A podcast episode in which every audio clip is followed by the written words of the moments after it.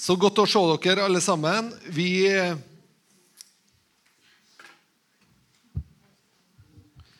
i gang med et nytt år. Og jeg sendte en melding til en Daniel, vår gode venn Daniel Smenes. Hvor mange vet hvem Daniel er? Jeg tror alle vet hvem Daniel er. Ja, sånn. Han er han er på en måte en del av huset her, da, selv om han bor i Tyskland. Eh, så det er jo litt morsomt når man er og besøker dem, eh, Daniel og Catherine, så er det liksom hils til kirka vår. Eh, så de føler seg veldig hjemme her, selv om de bare er her av og til. Men så, så Jeg fortalte sist søndag at jeg, et, jeg, fikk et ord som jeg opplevde liksom var veldig godt for 2020. Eh, og Utgangspunktet var i romjula. Jeg var, litt, jeg var egentlig litt lei meg for 2019. Var lei meg for, eh, for jeg syns det, det, har vært mye trasig som har skjedd i 2019. Så det var liksom det som var utgangspunktet når jeg, jeg spør Gud har du ikke et ord for 2020. da? Eh, og så får jeg det her ordet eh, gjennombrudd. Først så får jeg på norsk i tanken, og så ser jeg det skrevet foran meg på engelsk. Eh, 'breakthrough'. Eh, og så delte det med en, med Daniel her, da, at jeg har fått det ordet. Jeg syns det var godt. Og sånt der. Og Daniel ble helt sånn 'Har du fått det?' Vi har fått det, vi òg. Eh, at det er et godt ord for 2020. Eh, og har bare lyst til å lese fra første krønikebok det 14. kapittelet. Du kan lese den samme historien i eh, jeg mener, andre Samuels bok 4. Der står det også om når David blir salva til konge. Eh, men da står det da filisterene hørte at David var salva til konge Unnskyld. Vers 8-17 i første krønikebok 14. Da filisterene hørte at David var salva til konge over hele Israel, dro alle filisterene opp for å angripe han. Det er liksom, da føler du at du er kommet på rett plass. Du har akkurat fått ny jobb. Liksom, når de har hørt at du har fått ny jobb, da rykker alle ut for å angripe. Det er veldig oppmuntrende. sant? Men eh, sånn var det. Da David fikk høre det, dro han ut mot dem. Da dro filisterene ut for å plyndre i Refraimdalen. David spurte Herren om råd og sa, 'Skal jeg dra opp imot filisterene?' 'Vil du overgi dem i min hånd?' Da, her, eh, da, sa Herren til ham, 'Dra opp, for jeg skal overgi dem i din hånd.' De dro opp eh, til Bal eh, Parasim, Pera, Perasim. Og der slo David dem, og David sa, Gud har brutt gjennom fiendene mine ved min hånd. Slik som vannet fosser gjennom. Derfor kalte han dette stedet Bal Perasim. Bal Perasim, det betyr mester i gjennombrudd. Gud er en mester i gjennombrudd. Og det fikk det her stedet navnet. Da de, forlot, eh, da de, forlot gudene sine, der ga David befaling, og de ble brent på ilden. Så der sprang de ifra gudene sine til og med. Så dro filisterene enda en gang for å plyndre i dalen. Derfor spurte David igjen Gud om råd, og Gud sa til ham, 'Du skal ikke dra opp etter dem.' Gå rundt dem og kom mot dem rett foran morbærtrærne. Når du over toppene på morbærtrærne hører lyden av noen som marsjerer, da skal det skje. Du skal dra ut i striden, for Gud har dratt foran deg for å slå hærstyrken til filisterene. David gjorde som Gud hadde befalt ham, og de slo ned filisterhæren fra Gibeon og helt bort til eh, Geser.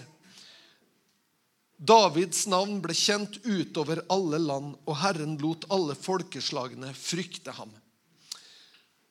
Mester i gjennombrudd. Gud er en mester på gjennombrudd. Og han ønsker å bryte gjennom også i våre liv.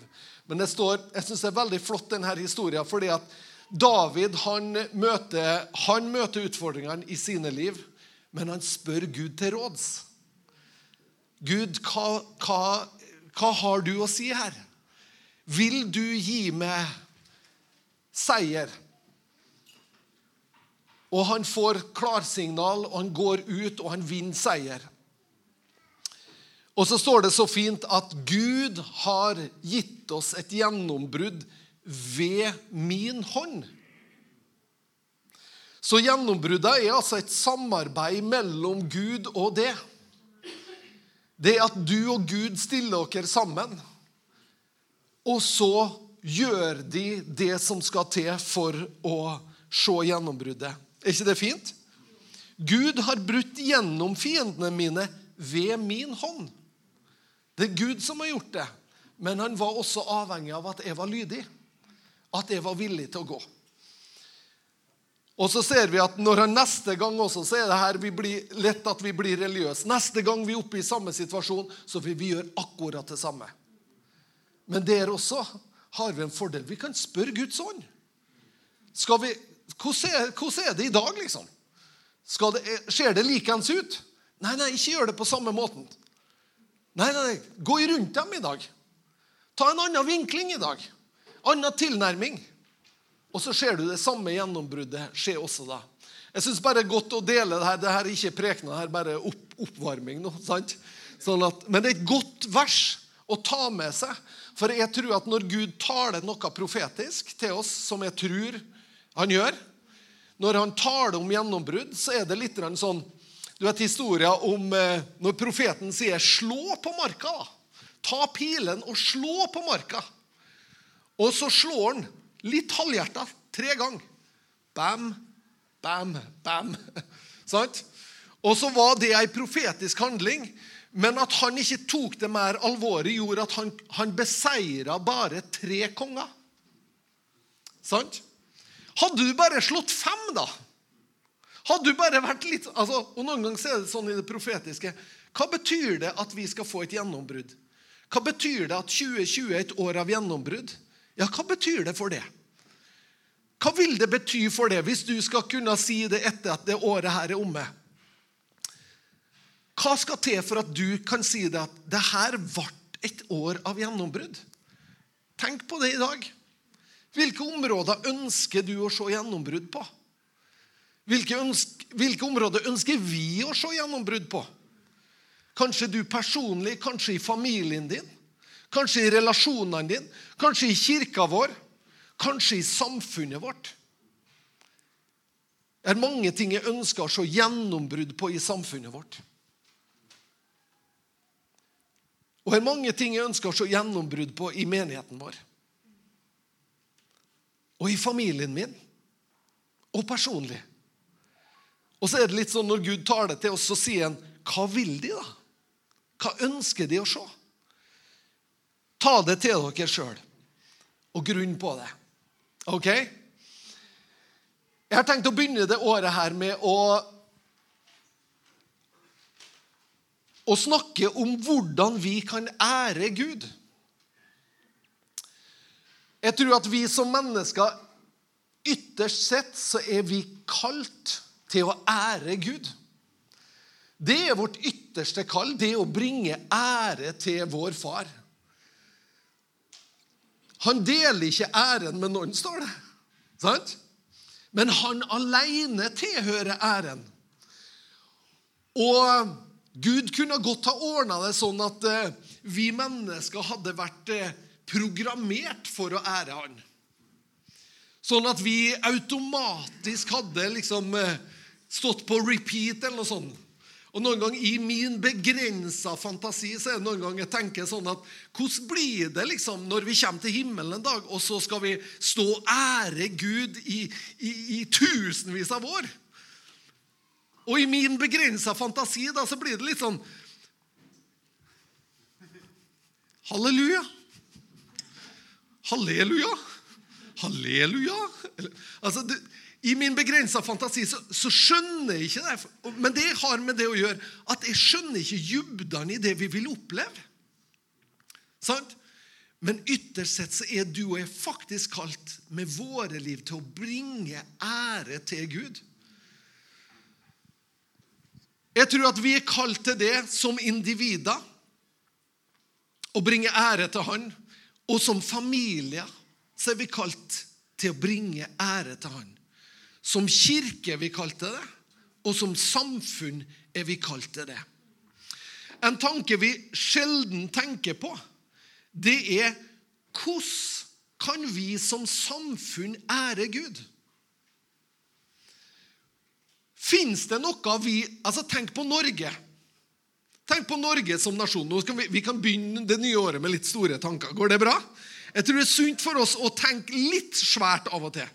Norge, Hva er Norge sitt profetiske kall? Hva er Norge sin hensikt? Hva er Norge i verden? Hva er vårt kall? Det er spennende å tenke. Eller tenk på nasjoner. Hvilken nasjon vi enn kommer ifra, så er faktisk også en nasjon bærer av et kall til å ære Gud. Ja, hva er det med Norge? Jo, Norge vi, av, vi har blitt et av verdens rikeste land. Dine, dine besteforeldre opplevde ikke det. Dine, tip, dine oldeforeldre opplevde ikke det som du og jeg opplever. Altså det var, På begynnelsen av forrige århundre så var det utenkelig, det vi opplever, og det vi i dag tar som en selvfølge. Det var utenkelig. Men hva er da kallet? Hvordan kan da nasjonen ære Gud? Ja, men vi har jo masse penger, vi har jo vi vi har olje, og vi, har, vi, er jo så velsigna. Ja, vi er velsigna, men er det et ansvar? Hvordan kan vi ære Gud med at vi er så velsigna? Skjønner du, Hva er det med oss som nasjon som gjør, som gjør at vi bringer ære tilbake til Gud? Og så jeg vet at Når jeg sier sånn, så er det veldig lett at vi tenker ja, men det er noe sannelig mye som ikke ærer Gud her, da. Og det er det. Men det betyr ikke at vi ikke har et kall som nasjon å bringe ære til Gud. Hvis vi ser utover verden, hva som skjer rundt om, så kan vi se Og det er veldig lett at vi tenker at det er så mye elendighet, det er så mye forferdelig. Og det er det. Men vi kan også se lyspunkter. Vi kan se lyspunkter i det at vet du, i dag i verden så er det mye færre kriger enn det var for 20 år siden. Det er mindre fattigdom i dag enn det var for 50 år siden. Men det er bare at nyhetsbildet kommer mye mer intenst innpå sånn at vi føler at det er verre i dag. Før i tida var det sånn at man sendte en nyhetsreporter, liksom bestilte flybillett og sendte en nyhetsreporter ned til områder for at han kunne filme og sende reportasjer. I dag kommer det når det skjer kommer det rett inn på smarttelefonene våre. Hvis vi ser på Syria i dag, så har Syria gjennomlevd en forferdelig, et forferdelig tiår. Og nasjonen er revet i stykker. Og det vi kan være helt sikre på, at det som skjer, det bringer ikke ære til Gud. Det bringer ikke ære til Gud, og jeg skylder ikke bare på syrerne for det. Ser du på en annen nasjon, som f.eks. Sør-Korea, så er Sør-Korea en nasjon som bidrar til verdenssamfunnet gjennom sikkerhetsteknologi.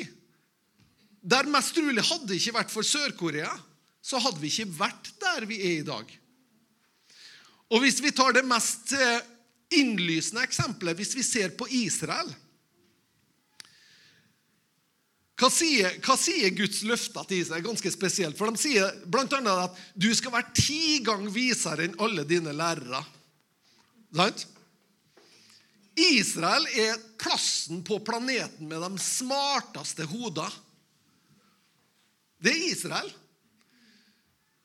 Og hva er det, hva ærer de Gud med? Ja, men det er noe mye galt der òg. Ja, ja, ja, ja, slapp av nå. Det er mye galt overalt.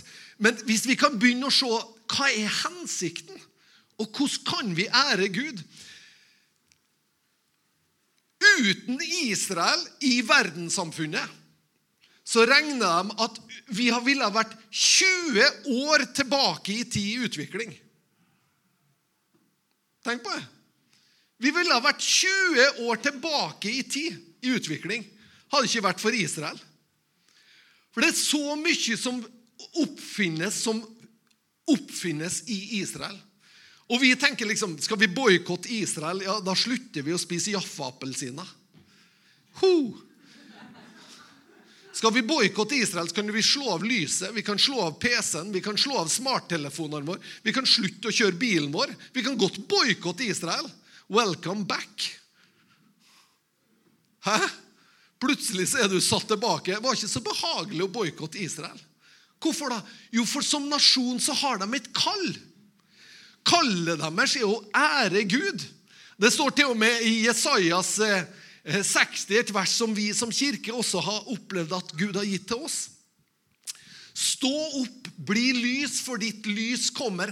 Herrens herlighet går opp over det. Og folkeslaga skal vandre etter det lyset som oppgår over det. Det vil si at som nasjon så har de egentlig et kall om å bringe ære og herlighet til Gud. Og hvordan bringer vi ære og herlighet til Gud? Jo, egentlig gjør vi det best ved å, ved å bare ta hans sine, eh, hans sine lover, prinsipper og rettferdige tanker og løfte dem opp på en måte som gjør at folk forstår det og kan ta imot det. Hvilket kall har vi som nasjon? Det er så lett at vi som kristne vi bare tenker liksom at eh, Vi tenker det at ja, men vi må nå følge Guds ord, da. Det er nå punkt én. Og så liksom når, og, og, og, så få ting på stell. Altså vi, vi på en måte får sånn, en sånn rettferdighetstanke i forhold til det at en nasjon skal følge Gud. Ja, da skal det være rett, og da skal det være Og da, og, og, og, og da altså. Så får vi en sånn rettferdig Men la oss tenke lenger enn det. Ei dame som heter Danny Johnson, hun har en preken, ei preken som er Eller egentlig en prekenserie som heter Dare to discipline your child for success. Altså våg å oppdra barnet ditt for suksess. Og det er jo liksom Det er jo, litt, det er jo ikke bra. Det, det, kan jo ikke være bra liksom, å ha det i fokus. For det vi tenker, det er at vi skal oppdra barna våre sånn at de oppfører seg ordentlig. Hvis de oppfører seg ordentlig, da har vi nådd målet. Og litt sånn blir vi som kristne òg. Hvis vi får folk til å oppføre seg ordentlig, da er vi fornøyd. Hvis alt foregår fint og i ordna former, og alt er pyntelig og pent, da er vi fornøyd. Men det er noe mer Gud vil. Gud vil at vi skal oppfylle vår profetiske hensikt. Så Gud vil ikke at vi skal være rettferdige for rettferdighetens skyld bare, men for at vi da kan leve ut kallet som vi som nasjon er en bærer av. Hør her. Er det ikke mye mer spennende for oss som kirke å be for nasjonen vår ut ifra at nasjonen skal oppfylle sitt profetiske kall i verden, enn at vi ber for nasjonen vår fordi at alle skal oppføre seg fint? Det er bare her er tankene nå. Altså, jeg deler du lov å være uenig med meg. Men jeg har bare så lyst til at vi skal løfte Det er noe, noe mye mer Gud vil enn at vi bare skal bli pyntelige og pene. Enn at liksom nå, nå, Ja, nå er, det, nå, er det, nå er det i orden.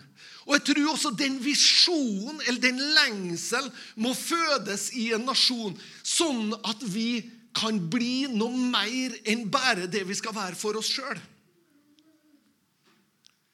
Hvordan kan vi som nasjon ære Gud?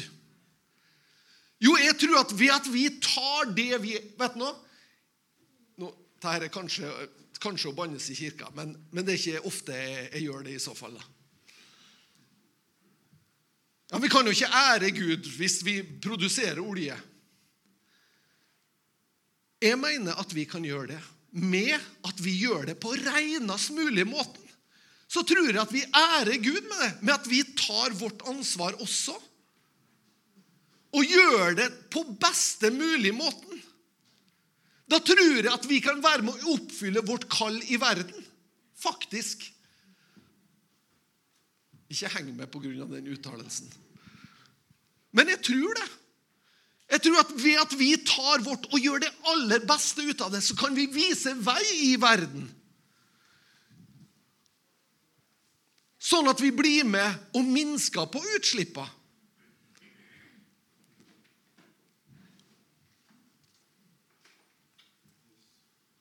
Mange av oss tenker liksom det at ja, men det er, vi, vi, vet du, vi er fine, vet du. For vi, vi, har lært oss å klage, vi. Vi lært oss å klage på linje med alle andre. Vi klager, vet du. Vi klager over det ene og det andre. Klager for det. Nei, det er forferdelig. Det er sånne skatter i Norge. Er det noen som har sagt det noen gang? Opp med hånden. Er det noen som har sagt det er veldig det er høye skatter i Norge? Hæ? Ja, sant? Og Broren min sa, han sa det en gang. Han sa, forferdelig. Han hadde, betalt eh, tre, mellom 300 og 400 000 i skatt et år. Det er mye, sant? Og så, og så la jeg ut verdenskartet. Se her. Ole. Storebror, ta. Ole, se her. Vis meg hvilket, hvilket, hvilket land i verden kan en elektriker tjene over en million. Pek! Nå, nå, nå, nå. Vi har det fantastisk. Vi burde være veldig, veldig takknemlige. Vi har et rettferdig system. Vi har regjering vi sjøl har valgt. Vi har et demokrati som fungerer. Vi, ja, vi ønsker mer gudsfrykt inn. Vi ønsker å se nye ting skje. Ja. Men det er fantastisk. Vi er rikt velsigna. Jeg tror at vi som troende vi kan være lengst fram blant dem som er takknemlige, og vise vei. Men så ønsker vi også å se at Gud, hva vil du med dette landet? Kan vi begynne å be Gud, hva er det du ønsker med denne nasjonen? Hva er det? Hvordan ser et samfunn ut som ærer Gud? Hvordan ser et samfunn som ærer Gud, ut? Og vi kanskje tenker ja, det må være et samfunn med mange kristne. Det fins mange samfunn med mange kristne som ikke ærer Gud. Det fins samfunn med hoveddelen av befolkninga som kristen. Men fremdeles ærer ikke samfunnet Gud. Det er sant.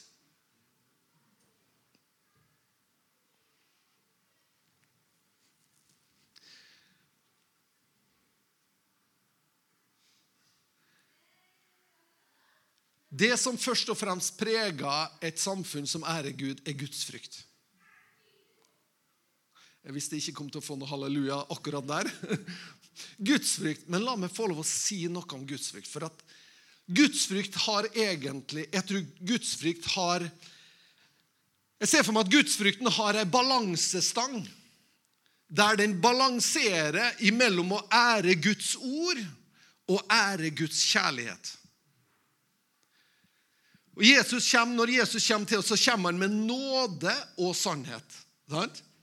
Og det er balansen som balanserer et sunt forhold til Gud. Det å frykte Gud, det er både å ære Hans ord, men også ære Hans kjærlighet. Hvordan ærer vi Hans ord? Jo, vi tar det på alvor. Vi gransker det. Vi spør han, hva har du å si om dette området av vårt liv? Men tar vi bare Guds ord, så er det lett at vi blir hard. Vi blir dømmende, vi blir prinsippfast. Så vi må også ære Guds kjærlighet. Og Guds kjærlighet det er den kjærligheten som faktisk helhjerta elsker alle mennesker.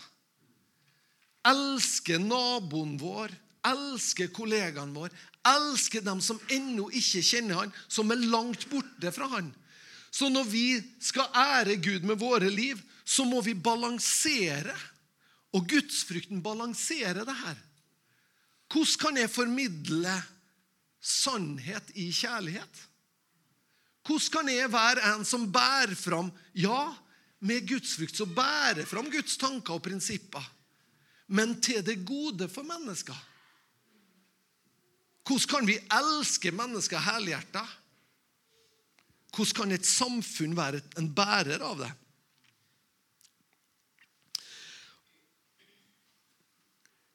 Og Noen ganger så får vi den her, og det her Noen ganger så får vi denne tanken om at ja, hvis ikke, hvis ikke vi nå velsigner Israel, eller hvis ikke vi nå vender om, eller noe sånt, så kommer Guds dom over landet. Er det noen som har hørt den? Ja. I Gamle testamentet så gjorde den det. Guds dom kunne komme. Og det var en måte å holde, holde ting på, på, på plass. Men i Det nye testamentet, hvor finner du det der?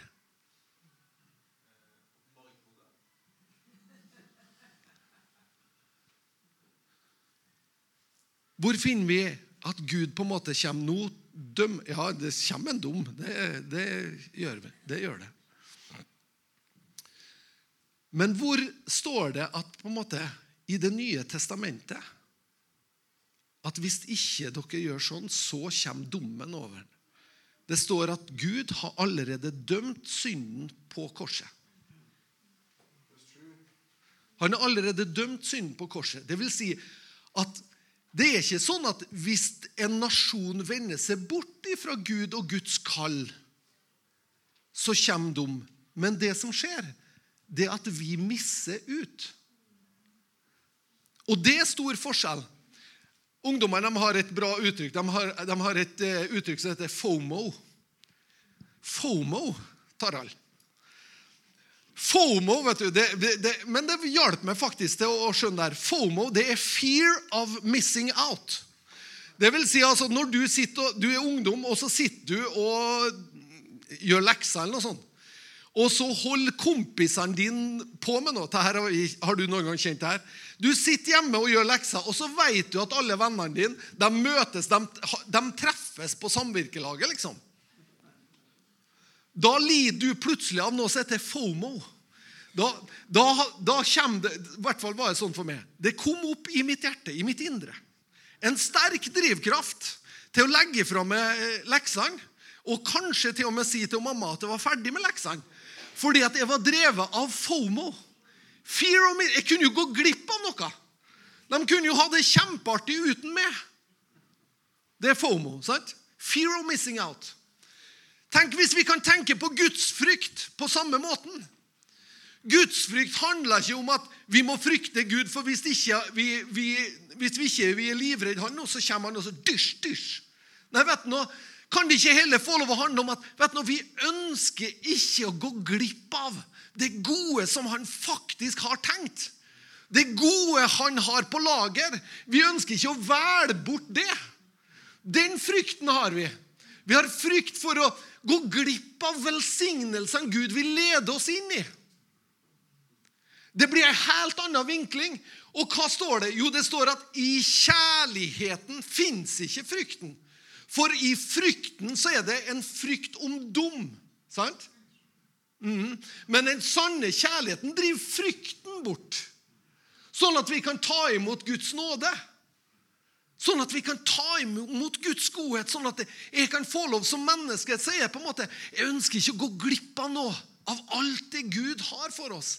Tenk hvis, hvis våre bønner kan begynne å bes på den måten for nasjonen vår. Gud, vi ønsker ikke vi ønsker ikke å gå gjennom en, nok et tiår der vi som nasjon ikke oppfyller vår hensikt. Der vi som nasjon ikke bringer ære til det. Ja, men Erlend, snakk om individet i stedet. Jeg har bare lyst til å begynne der i dag, for vi, vi skal snakke om individet òg. om hvordan vi skal ære Gud. Men jeg har lyst til å begynne der for at du og jeg skal få et litt større bilde. For målsettinga med at du og jeg følger Gud, det er ikke bare at da blir vi salig. Men da er vi faktisk med å oppfylle noe mer enn oss sjøl. Da er vi med å peke på noe mer enn bare det du og jeg er bærer av. Vi er med som brikker i et bilde som er mye, mye større, og jeg lengter etter at det skal bety noe for oss. Tenk at vi kan søke Gud for nasjonen vår. At vi kan bli sånne Å, Gud, vi ønsker ikke å gå glipp av alt det gode du har for oss. Vi har sett Guds godhet. Vi har sett det gjennom en mann som Hans Nilsens Hauge. Så har vi sett at Guds godhet har kommet over denne nasjonen.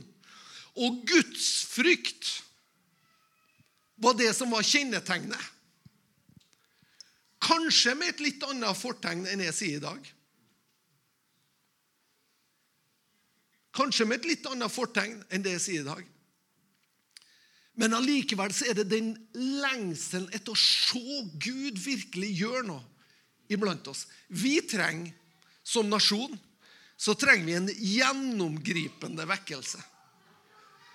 Vi trenger en fornya, Og vi som kristenfolk trenger en fornya kjærlighet til Guds ord. For det som skjer i vårt samfunn, det er at vi utfordres hele tida. Før jul så var det intenst. Måten Guds tanker, Guds ord, blir utfordra på, det var intenst. Men vi trenger å se at Gud er den som reiser opp mennesker som blir tydelige fakkelbærere for sannhet.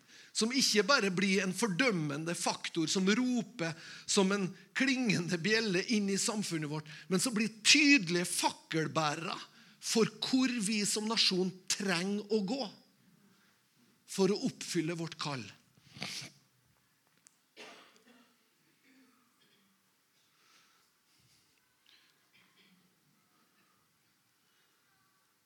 Jeg lengter etter at vi skal sette oss i førersetet.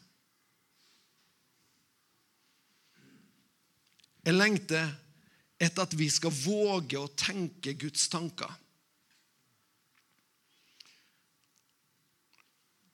Gudsfrykt, vektstanger, Guds ord og Guds kjærlighet. Hva er det? Jo, i enkelthet så er det det dobbelte kjærlighetsbud. Du skal elske Herren din Gud. Jesus sa det første av alle buda i Matteus, nei, Markus 12, 29-31. Det første av alle buda. Hør, Israel, Herren vår Gud, Herren er én. Og du skal elske Herren din Gud av hele ditt hjerte, av hele din sjel, og av all din forstand og av all din kraft. Dette er det første budet. Det andre som er likt det, er dette. Du skal elske din neste som deg selv. Det er ikke noe annet bud som er større enn disse.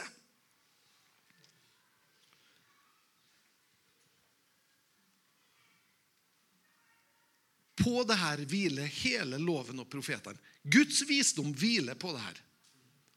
Guds visdom hviler på balansen. Vi er ikke kalt til å bli hard. Vi er ikke kalt til å bli dømmende. Vi er kalt til å være lysende og bringe herlighet og ære til Gud.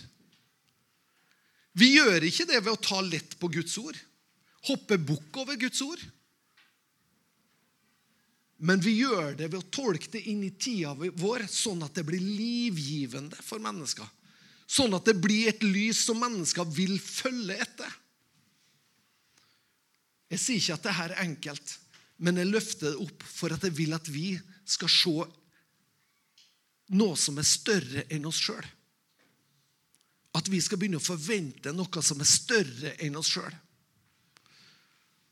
Og hvor er du midt i det her, da?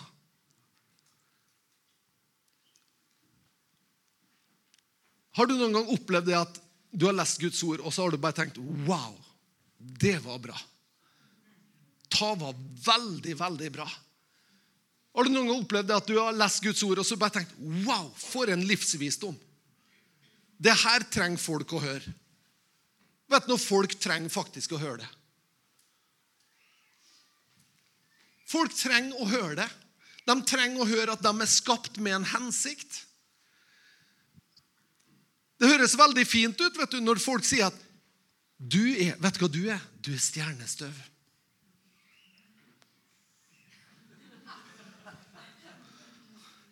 Du er galakser som har krasja. Hvor var dem, da? Altså, det er liksom så, det, for, Og fordi at Jeg leste Petter Stordalens bok nå. Jeg, var, jeg syns det var kjempeartig. Jeg syns han er en festlig kar. da. Så Endelig mandag. Masse gode prinsipp.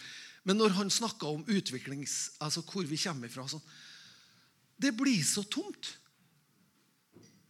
For det er liksom tilfeldighetenes tilfeldighet i et hav av tilfeldigheter. Så har du og jeg oppstått. Og så er alltid rundt oss så fantastisk, så rikt. Tenk bare at alt vi ser rundt oss, har evne til å formere seg, forplante seg. Alt er skapt med den evnen. Hvordan har det vært uten? Det har ikke funka. Og så er det så fantastisk. Ingen ville tro at en smarttelefon kunne, kunne komme til av seg sjøl. Ingen ville tro at ei klokke ville gjøre det. Men så skal vi tro at det som er mer fantastisk, sjølve livet, har kommet til ved tilfeldigheter.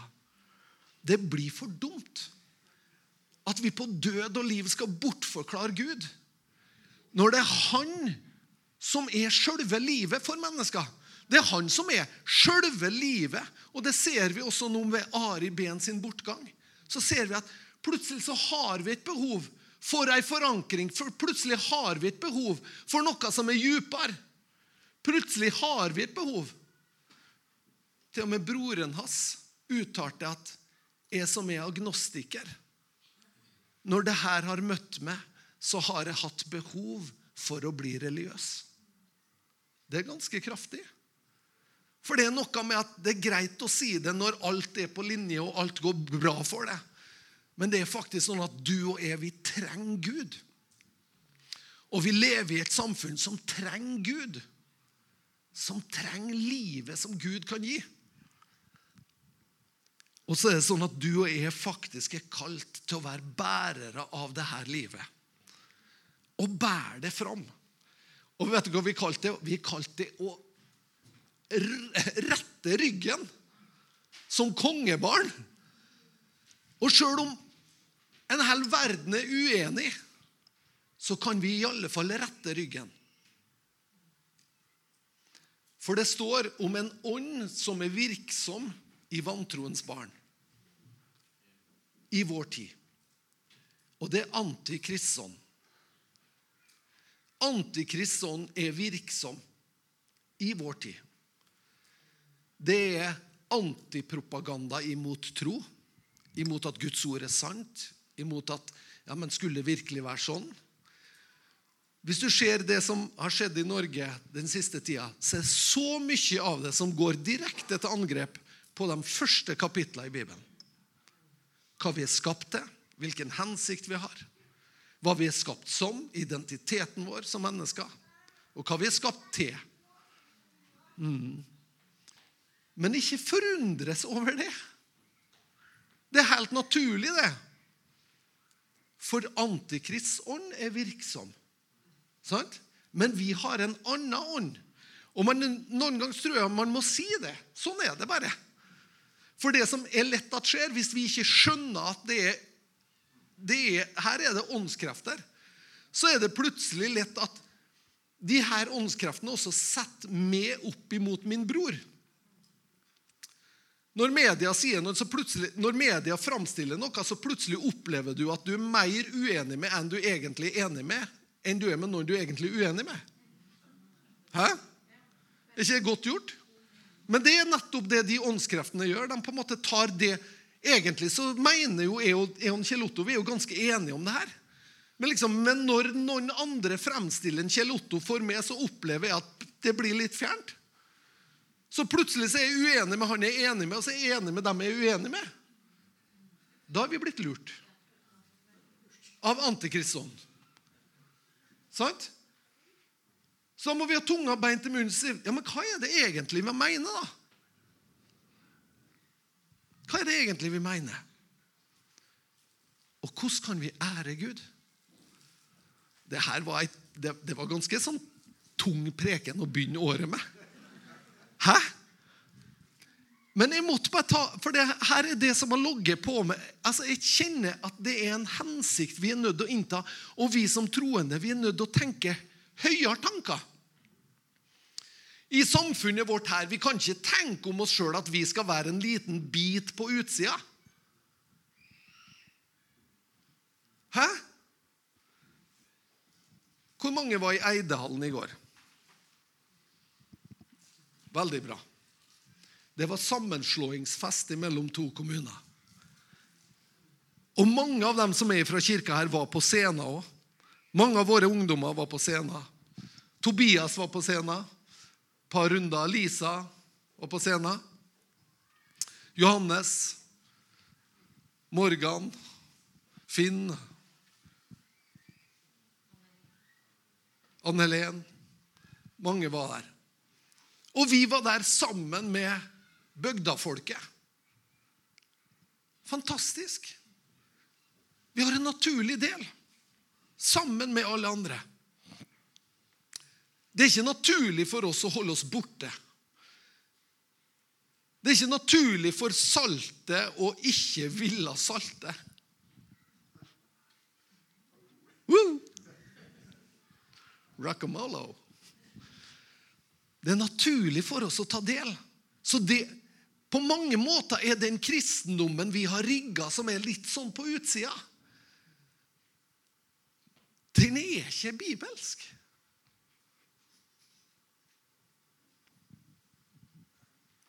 Vi må rigge oss sjøl inn. Vi må våge å ta plass. Jeg syns det er flott det hver første søndag i advent. Da holder jeg andakt for alle sambygdingene på Rensvik. Når vi tenner juletreet. Da sier jeg noe om hvorfor vi feirer jul. Da sier jeg noe om Jesus. Da synger vi julesanger sammen.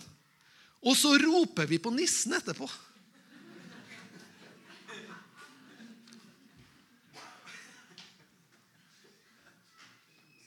Ja, men ja, Erlend, du skulle holdt det for godt. altså. Du skulle holdt det for god til å være med der og ropt på nissen. Jeg er takknemlig for den plattforma.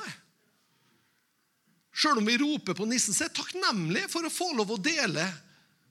Fortell noe om Jesus hver jul til alle sambygdingene. Så var vi bortreist et år. Da var det noen andre som hadde andakt, så fikk jeg bare klar beskjed neste år så reiser du ikke bort. Jeg tror mange ganger at vi distanserer oss sjøl unaturlig. Og så lar vi oss skremme unaturlig. Hør her. Du og jeg blir skremt. Jeg var skremt før jul. Før jeg reiste til India. Jeg var så skremt. Jeg tenkte dette her samfunnet her, det går av hengslene enn noen andre. Altså bare, så nå er, nå er, vi her. enn noen andre som liksom har, har, vært inne på ja, litt sånn ja. Hvis du leser Hans Nilsen Hauge sine bøker, så var det akkurat like han sa. Samfunnet gikk av hengslene. Om du leser John Wesley sine bøker, så var det akkurat like han sa. Til om du våga det på de akop, ak, apokryfiske skriftene, som Enoks bok, så var det like gale da. Det har alltid vært en fight imellom rettferdighet og urettferdighet. Imellom Guds prinsipper og denne verdens prinsipper. Eller mørkets prinsipper. Alltid vært en fight. Og det kler seg bare i forskjellig drakt. Så sånn er det. Men jeg ble nesten jeg ble nesten uh, det her er voldsomt. Og så forsterka jeg seg. Og vet du hva? Jeg, før jeg skulle reise til India, siste jeg skulle gjøre, var at jeg skulle Jeg skulle på videregående i Kristiansund og skulle ha en eh, time sammen med tredjeårselever. Og jeg grudde meg. For jeg tenkte at de er sikkert så uenige med meg som Internett er. Og kanskje ikke tør å si hva jeg mener heller. Fordi at sånn opplever jeg det. Men du vet, når jeg, når jeg leser Internett vet du, Det som skjer, det er at jeg klikker på en artikkel så tenker jeg at det her var interessant. Ja, Hva gjør Facebook, da? De serverer neste artikkel. Og neste og neste. Og da opplever jeg at hele Internett koker av det her. Alle, det her er på alle sin tunge. Alle er opptatt av det her. Og så skjønner ikke jeg da at den som er interessert av turn, har klikka på turnlinka og har lest om turen hele den perioden jeg har opplevd at hele verden var imot meg. Hæ? Så når jeg kommer til videregående og skal ha en time sammen med de her elevene og får noen spørsmål, er også Karina, hun som var fengselsprest ute på, ut på Hustad Vi hadde denne timen sammen, og vi fikk spørsmål, og vi snakka med elevene om abort og om det ene og det andre. Altså mange ting som de spurte. Men det var gode spørsmål. Og det, de, ville ha, de ville ha ærlige svar. Og det var ikke vanskelig i det hele tatt. Men jeg trodde jo at de kom til, jeg trodde de kom til å grille meg. For det har Internett sagt til meg. At hvis du sier noe om det du mener, da blir du grilla. Så vi får et bilde som ber oss på en måte om å tie stille. Ikke heller tro ikke, Jeg skal gå mot avslutning. Men ikke heller tro at det er Oslo-gryta som veit best hva Norge egentlig ønsker. Det er så tydelige røster fra Oslo som påstår at vi som nordmenn mener det her, og vi mener det her. Og om du ikke mener det, så er du helt ut. Men det er ikke det som rører seg i den norske folkesjelen. Det er ikke det som er der. I den norske folkesjelen så ligger det gudstro. Det ligger i den norske folkesjelen en folkereligiøsitet. Den norske folkesjelen er ikke sekulær. Den lengter etter Gud. Det er det vi kan tale til. Det er det vi kan rope på. Lengselen. Det som er der. Jeg skal avslutte. Takker Herre Jesus, for din godhet imot oss. Og så takker jeg for at du hjelper oss, Herre, til å tenke dine tanker og se dine drømmer, Herre, for vår nasjon og for det som skal prege nasjonen vår framover. Vi ber om å få lov å se tegninger som du tegner opp for oss, det du skisserer, Herre. Hvordan vi som kirke, hvordan vi som enkeltindivid og hvordan vi som nasjon og samfunn kan få lov å ære det. Hvordan vi som er så velsigna, kan få lov å bringe ære tilbake til det. Herre, la det ligge på oss å bringe ære tilbake til det, Herre. Hvordan kan vi på noen måte egentlig ta æren av at du har lagt olje ut i havet utafor oss? Hvilken fortjeneste har vi egentlig av det? Hvordan kan vi slå oss på brystet og si at det er vi som har vært geniale, Herre? Når det er din velsignelse som har ramma oss. Og så bare ber jeg, Herre, om å få lov å være bærere av Guds frykt og kjærlighet og sannhet. Det ber vi om, Herre. Hjelp oss og vis oss hva det betyr, Herre. Og hvordan det kan målbæres i vårt samfunn. Jeg ber om det, Herre. Hjelp oss å vise oss hvordan de her gode, livsnære og livsbejaende prinsipper i ditt ord kan bli levende for vår nasjon. Vi ber om nåde, Herre, til å innta den plassen du vil at vi skal ha, Herre. I Jesu navn. I Jesu navn. Amen.